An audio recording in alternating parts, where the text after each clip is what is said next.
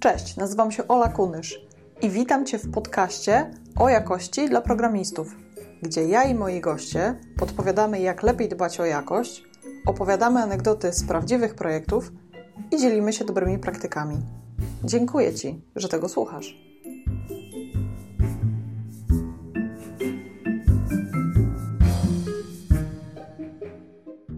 Zapraszam Cię do przesłuchania pierwszej z trzech części rozmowy z Marcinem Grzejszczakiem z Pivotala. Marcin jest świetnym inżynierem oprogramowania i architektem. Jest autorem książek o Mokito oraz twórcą kursów. Jest też współzałożycielem i organizatorem warszawskich spotkań dla programistów. Wszystkie informacje o Marcinie znajdziesz w notatkach do tego odcinka. W pierwszej części dowiesz się, jak wygląda praca bez testów automatycznych, jakie mogą być koszty programistycznych decyzji, no i czym różni się junior od seniora. Zapraszam. Tutaj widzę, już wojny się zaczęły technologiczne. Dobra, to może, może przejdziemy, jakoś tak z grubej rury, to przejdźmy może do takich, takiego pytania. Marcin, jaki najgorszy test widziałeś i jaki najgorszy test napisałeś i czy to był ten sam test? to nie był ten sam test. E, natomiast e, najgorszy test, jaki widziałem, to miałem taki okres w swoim życiu, jak zaczynałem tę całą przygodę z programowaniem, e, nie, mów, nie używajmy tutaj dużych słów w postaci kariery, to byłem w projekcie dla jednego z dużych banków w Anglii i wtedy byłem zafascynowany testami i uznałem, że dobre testy to są takie, które pokrywają 100% kodu produkcyjnego. No i pisałem te testy, przetestowałem wszystkie getery, wszystkie setery, wszystkie metody, jakie Miałem 100% pokrycia kodu testami. E, problem był taki, że nie dało się tego kodu zmienić. Znaczy, nie mówię testowego, tylko produkcyjnego, ponieważ zmieniałem kod produkcyjny. E, co do działania aplikacji, aplikacja za bardzo się nie zmieniała. Na przykład robiłem jakiś refactoring, tak? E, I wywalało mi na przykład połowę testów. No i to były właśnie te najgorsze testy, ponieważ e, no, kompletnie jakby zalewają betonem bebechy, których tak naprawdę, e, które są nieistotne z szerszej perspektywy, tak? To zdecydowanie to były najgorsze testy, jakie widziałem i niestety byłem, byłem jego autorem.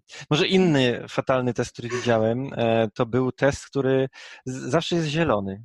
To są, to są rewelacyjne testy. Tak, to są takie testy, żeby podbić jakby wskaźniki KPI w korporacjach, zwłaszcza się takie testy zdarzają często. To prawda, tak?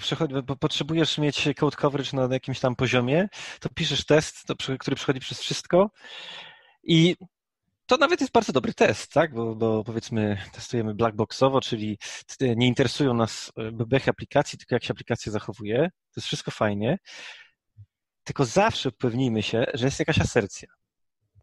Bo jeżeli test po prostu się odpala i nie sprawdzamy wyników, no to to nie jest najlepszy test, tak? Dlatego, że warto czasami e, wziąć taki test i spróbować go zepsuć. Czyli na przykład warunki wejściowe zmienimy i chcemy, żeby test przechodził. No ja tam zmieniłem, patrzę, nadal wszystko działa, zielony test. No okazało się, że nie miałem asercji.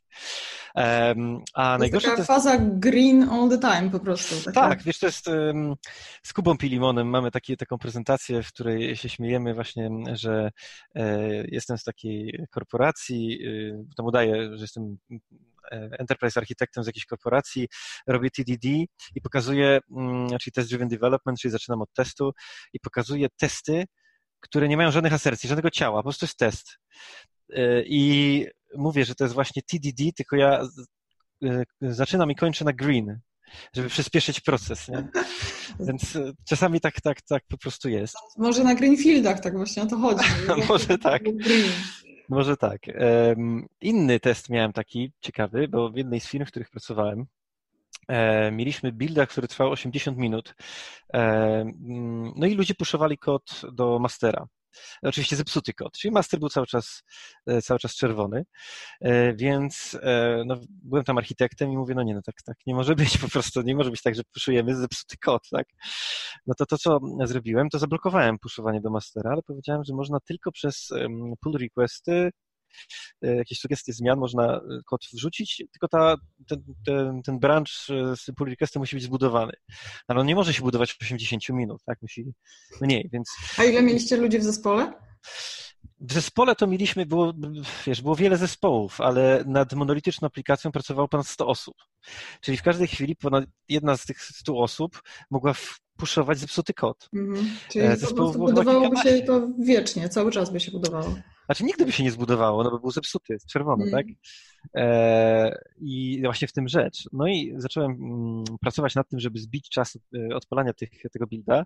I jedną z rzeczy, które zrobiłem, to napisałem plugin do Gradle'a, żeby, czyli tego systemu do budowania, żeby e, wylistował mi testy od najdłużej trwających do najkrócej. No i patrzę, no nie, mówię, Jezu, no test, który jest 60 sekund, czy tam ponad, nie, przepraszam, półtorej minuty się odpala. No to, to nic dziwnego, że 80 minut, skoro półtorej minuty. I myślę sobie, no to idiota go napisał. No i patrzę, no nie, no jeszcze jest to test do funkcjonalności, która w ogóle jest wyłączona. No to też skrajny debil, za przeproszeniem. Patrzę, robię git blame'a, no i niestety ja byłem autorem tego testu. Oczywiście. E, no i to też była taka nauczka, że jak robicie tę funkcjon- te, takie rozwiązanie, które się nazywa e, feature togglingiem, czyli cały czas pracujecie nad jakąś funkcjonalnością, ale ona jest wyłączona albo włączona, to, to, to już w zależności od tego, jak włączycie tę flagę, to jeżeli wyłączacie ją na stałe i uważacie, że ten feature nigdy nie będziesz używany, to go usuńcie i usuńcie testy od niego. A nie, że to zostaje na zawsze, trwa półtorej minuty i jest jeszcze nigdy nie używany. No, to dobra lekcja. Ale w ogóle tak często jest, że myślisz sobie, kto ten kod tak napisał brzydko i potem robisz blame'a, a jeszcze najlepiej jak w ogóle ogłosisz to wszystkim, że to jest taka funkcja i ona jest taka beznadziejna i tak kto to napisał i patrzysz na blame'a i tak cichutko już siadasz do swojego biurka. Znaczy, to chyba się różni właśnie junior developer od seniora, że senior y, najpierw sprawdzi, zrobi git Dopiero potem ogłosi. zrobić przynajmniej raz w życiu i wtedy się... Oczywiście. I potem już najpierw sprawdzasz. Tak, tak jest. No to y, jak już y, mamy te najgorsze, to pamiętasz jakiś taki najlepszy, taki, że po prostu byłeś dumny z niego i on na przykład uratował ci y, piątkowy wieczór i nie musiałeś na przykład siedzieć w weekend? Znaczy powiem tak, no, takich testów to było wiele, które uratowały mi sytuację, że tak to nazwę, ale pamiętam e, właśnie w jednej z firm, że udało nam się zrobić takie bardzo ładne y, BDD, czyli Behavior Driven Development, e, czyli taki proces pisania testów, że poszliśmy do biznesu i wraz z biznesem opisaliśmy faktycznie, jak dana e, funkcjonalność ma działać. Używaliśmy tej nomenklatury given when then, żeby ładnie e, odseparować części, żeby było e, jakby x e, jakichś inputów, jeden jedna sytuacja, która jakby odpala pewne procesy w naszym systemie, no i x asercji. I użyliśmy do tego języka biznesu, daliśmy to nawet biznesowi do zweryfikowania, czy to jest faktycznie ich językiem i potem no jota w jotę to wzięliśmy do kodu. I nie używaliśmy rozwiązań typu Cucumber, ponieważ ja osobiście ich nie znoszę, dlatego że e, biznes nigdy nie pisze tych, tych, tych e, historyjek w tym Gierkinie, tak? Więc e, dokładnie tak jak biznes to podał, tak zamieniliśmy to na metody. Czyli mieliśmy na przykład given a client, tak? Czy tam jakiegoś buildera zrobiliśmy, który ładnie to opisywał. Czyli jeżeli biznes chciałby zobaczyć, jak to wszystko potem działa, to wystarczyło wydrukować klasę z testem. Mhm. Tam był dokładny opis, jak to wyglądało, takim bardzo, bardzo ładnym językiem, więc z tego byłem bardzo zadowolony. Natomiast tam była bardzo ciekawa sytuacja, bo chodziło o weryfikację e, PESEL-u i imienia. Czyli jeżeli ktoś ma w PESEL-u tam jedną cyferkę, która wskazuje, że jesteś kobietą, ale twoje imię nie kończy się na A, to najprawdopodobniej jesteś Frodem, bo w Polsce e, no, w większości przypadków dokładnie tak jest. No i dokładnie tak zaimplementowaliśmy tę funkcjonalność. Po czym poszliśmy na produkcję, cali szczęśliwi e, i dostajemy jakąś taką zwrotkę od biznesu, że tutaj pewne frody nam przeszły, a nie powinny. To się, to się stało w ogóle. Mówimy o co chodzi. No i okazało się, że dla biznesu oczywistym było, że jeżeli PESEL wskazuje na kobietę, imię kończy się na A, to w drugą stronę też tak ma być. Czyli jeżeli jest mężczyzna i imię kończy się na A, to też jest Frodem. Więc e, wtedy mieliśmy podkładki w postaci historii, że ale tego nie chcieliście, tak? Więc to też była taka dobra lekcja, żeby zawsze mieć to po prostu opisane i to jakby podstemplowane, że biznes tego chce. Mm, tym bardziej, że no, w przypadku imion już teraz coraz częściej są takie przypadki, gdzie gdzie to nie zadziała ta reguła. No tak, ale to chodziło, że to, to szło powiedzmy do manualnej weryfikacji. O, tak, tak że coś tutaj jest nie tak. Ale wiesz, no, w życiu nie wpadłem na to, żeby zrobić odwrotnie, tak? No bo biznes tego nie chciał, tak? No tak, no. Robimy to, co jest wymagane, tak? Wiesz, no możemy wychodzić sugestiami, tak, ale ja, wiesz, no nie jestem ekspertem od frutowości, że tak powiem. Tak, i od imion polskich. Dokładnie. I historii. A y, masz taką historię, gdzie nie napisałeś testu i żałowałeś bardzo? Nigdy. Zawsze piszę testy. Nie, oczywiście, że Boże. Mam. Nie, oczywiście, że tak mam. E, no wiesz co, no nieraz było tak, że na przykład e, w szczególności, kiedy na przykład miałem kilkanaście godzin szkodowania za sobą, bo, bo coś tam trzeba było dowieść i byłem już koszmarnie zmęczony, to za, jakby obserwuję, że po prostu liczba błędów rośnie lawinowo, e, a mnie się coraz bardziej nie chce wtedy pisać testów i coraz bardziej tylko żałuję. Po prostu piszę kod produkcyjny e, i wiesz, no, gdybym jednak pisał te testy, to bym połowę mniej kodu napisał, tak? Połowę mniej czasu by to zajęło, więc rzeczywiście były takie przypadki, że, um, no, że żałowałem tego wtedy. Natomiast w ogóle moja jakby zabawa z testami, bo ja naprawdę jestem mega fanem testów. Nawet dzisiaj gadałem z, z kolegą i pytał właśnie, co jeszcze mnie fascynuje póki co, bo mówiłem, że jakaś tam nowa technologia mnie fascynuje, nie fascynuje, jakaś inna mnie nie fascynuje, to pyta, to co cię fascynuje? No i naprawdę testy mnie fascynują. Absolutnie do tej pory mnie fascynują testy. Bo jak zaczynałem tę moją śmieszną karierę, to jednym z pierwszych e, projektów, które, e, na których e, byłem, to był, robiliśmy portal dla takiego bardzo dużego telekomu polskiego, znaczy nie polskiego, ogólnie dużego telekomu. I tam był taki waterfall pełną gębą. Czyli dostawaliśmy e, wypisane jakieś e, wymagania od jakiegoś tam architekta i e, było nawet napisane, w której klasie trzeba co zmienić. Potem oczywiście nigdy to nie miało miejsca, bo oczywiście źle to było zrobione. Tam pierwszy raz w życiu widziałem klasy po 10 tysięcy linii kodu i nie było ani jednego testu. Zero, zero testów. Ogromny portal, który, no tych dziesięciotysięczników to było mnóstwo, mnóstwo funkcjonalności.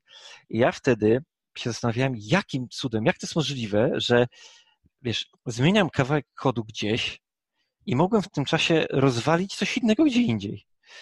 I ja nie mam tego jak sprawdzić, muszę wszystko przeklikać, bo to dla mnie nie do zrozumienia, jak to jest w ogóle możliwe.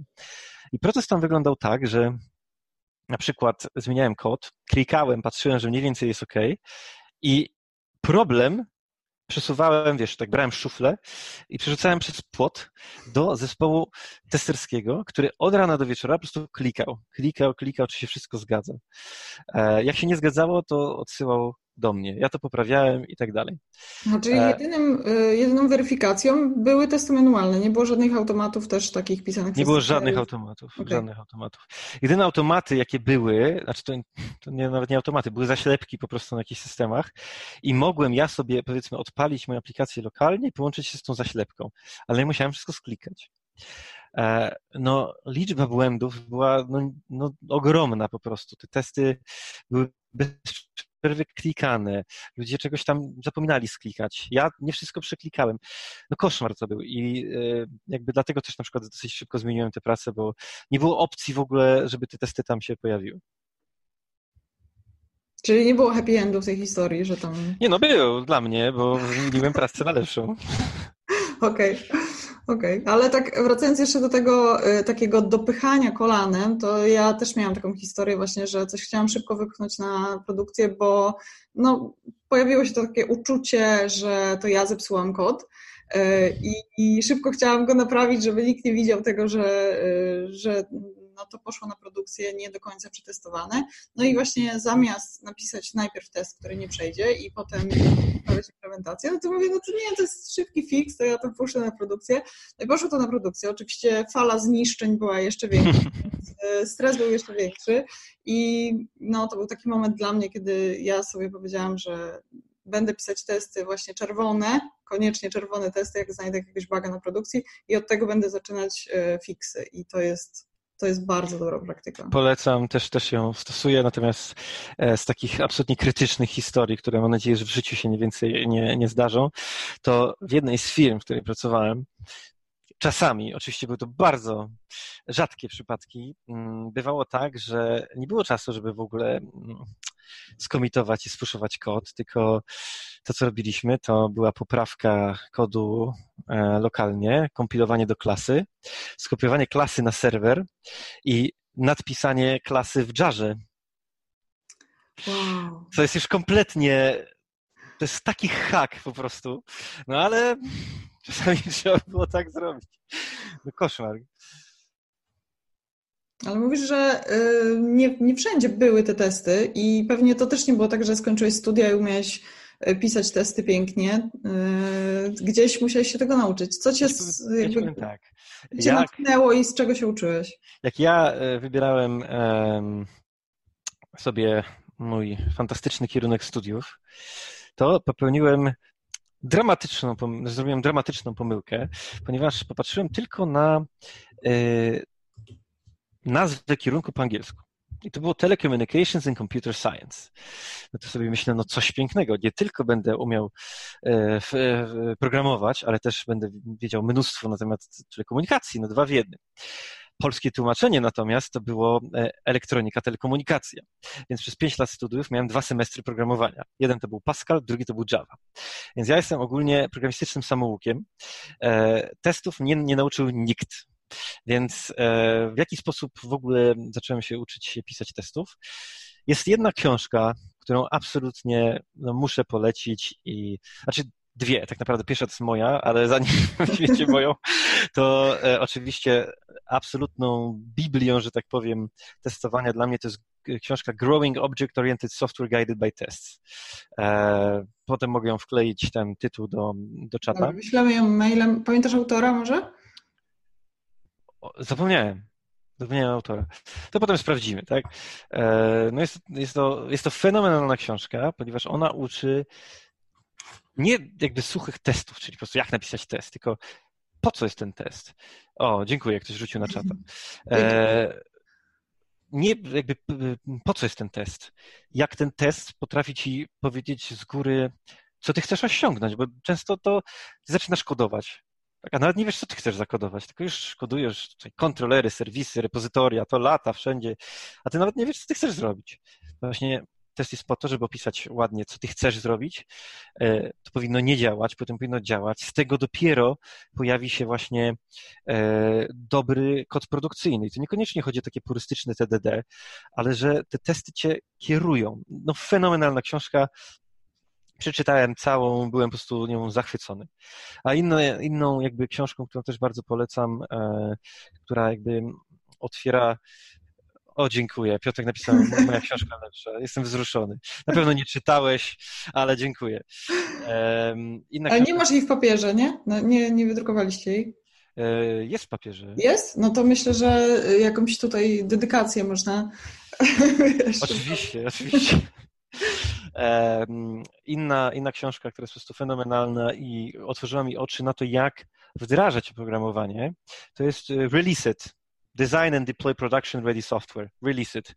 E, no fenomenalna książka, teraz wyszła nowa edycja, akurat tej nowej nie czytałem, czytałem starszą. E, starsza chyba miała 10 lat, jak ja ją czytałem. Nic się nie zmieniło jeżeli chodzi o koncepty takie wysokopoziomowe. I e, ona też pokazuje i, i, stawia nacisk na coś, co ja uwielbiam po prostu i dopiero jakby jako architekt zauważyłem to, na monetyzację, na pieniądze.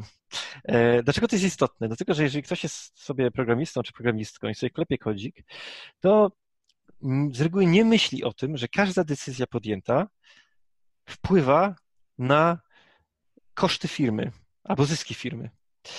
E, I na przykład, dobrze to pamiętam, bo ja sam zrobiłem ten sam e, błąd jeszcze jak byłem programistą. Potem już jako architekt przyszedł do mnie programista i mówi, potrzebujemy Mongo. Musimy mieć Mongo, nie ma innej, innej opcji. Żeby rozwiązać nasze problemy, potrzebujemy Mongo. Ja myślę sobie, no nie no, ciekawe. Nie wiedziałem, że mamy takie problemy, że potrzebujemy Mongo. I pytam, no dobrze, słuchaj, a będziesz potrafił to e, Mongo supportować, będziesz potrafił to wgrać na produkcję w sposób taki, żeby to było na przykład highly available, e, czy będziesz w weekendy e, jakby to supportował, czy, czy, czy jesteś, czy umiesz tym zarządzać, czy umiesz w ogóle z tego korzystać, tak? E, jak, ile to kosztuje, tak? Wszystko. No to po takich pytaniach okazało się, że jednak ten Postgres, którego mamy, jest zupełnie wystarczający. Więc to jest bardzo cenna lekcja i do Release jako książka też to pokazuje, że jeżeli zaczniemy używać takiego języka, jeżeli będziemy patrzeć trochę szerzej, o, dziękuję za podesłanie linka, e, to łatwiej się też dogadamy z biznesem. Y, na przykład jak y, robiliśmy ten manewr, żeby z 80 minut zejść do 8, to potrzebowaliśmy największych maszyn na Amazonie. Takich największych po prostu, tam 32 chyba kory były wtedy, 80 giga RAMu, coś w tym stylu. I one no ileś tam kosztowały, ale e, poszedłem do mojego menadżera i powiedziałem, dałem mu tabelkę i mówię, teraz każdy deweloper czeka tyle minut, żeby spuszować swój kod, czy tam coś z nim zrobić. Pomnożone razy stawkę godzinową dewelopera. Czyli tyle miesięcznie na przykład tracimy. Jeżeli zapłacimy tyle za godzinę maszyny, zyskamy tyle. No to dostałem dwie takie maszyny. A chciałem jedną. Więc y, to też otwiera umysł na tego typu rozmowy. Mhm. Ale to bardzo często widać, e, jak e, programiści przechodzą z dużych firm do małych i właśnie nie mają tej świadomości, e, że rzeczy kosztują, że takie przystoje, że ja siedzę na przykład na beznadziejnych spotkaniach, to jest ogromny koszt i to jest bardzo duża strata czasu, no bo no w korporacji to się gdzieś tam przerzuca tak. w Excelu i to się wszystko gdzieś tam na koniec dnia zgadza. Ja pamiętam, A... mieliśmy spotkanie chyba trzy, bo, bo zmieniał nam się jakby head y, developmentu chyba trzy razy.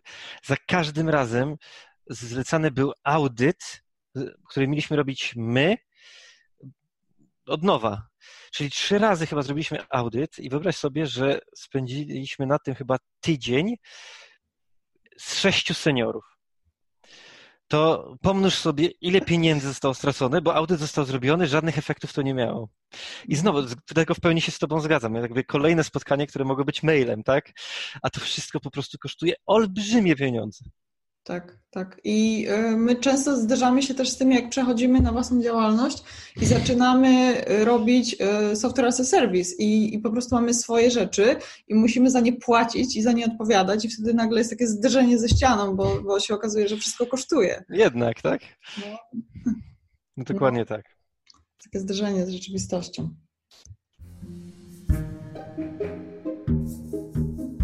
Bardzo dziękuję Ci za poświęcony czas. Jeśli ten odcinek dał Ci wartość, to podziel się nim w social mediach albo wyślij go do jednej osoby. W notatkach do odcinka znajdziesz linki do bloga, kanału na YouTubie i mojego Twittera. Jeśli masz jakieś pytania albo sugestie, to napisz do mnie na olamałpka szkoła testów.online. Niech moc będzie z Tobą. Ola Kunysz.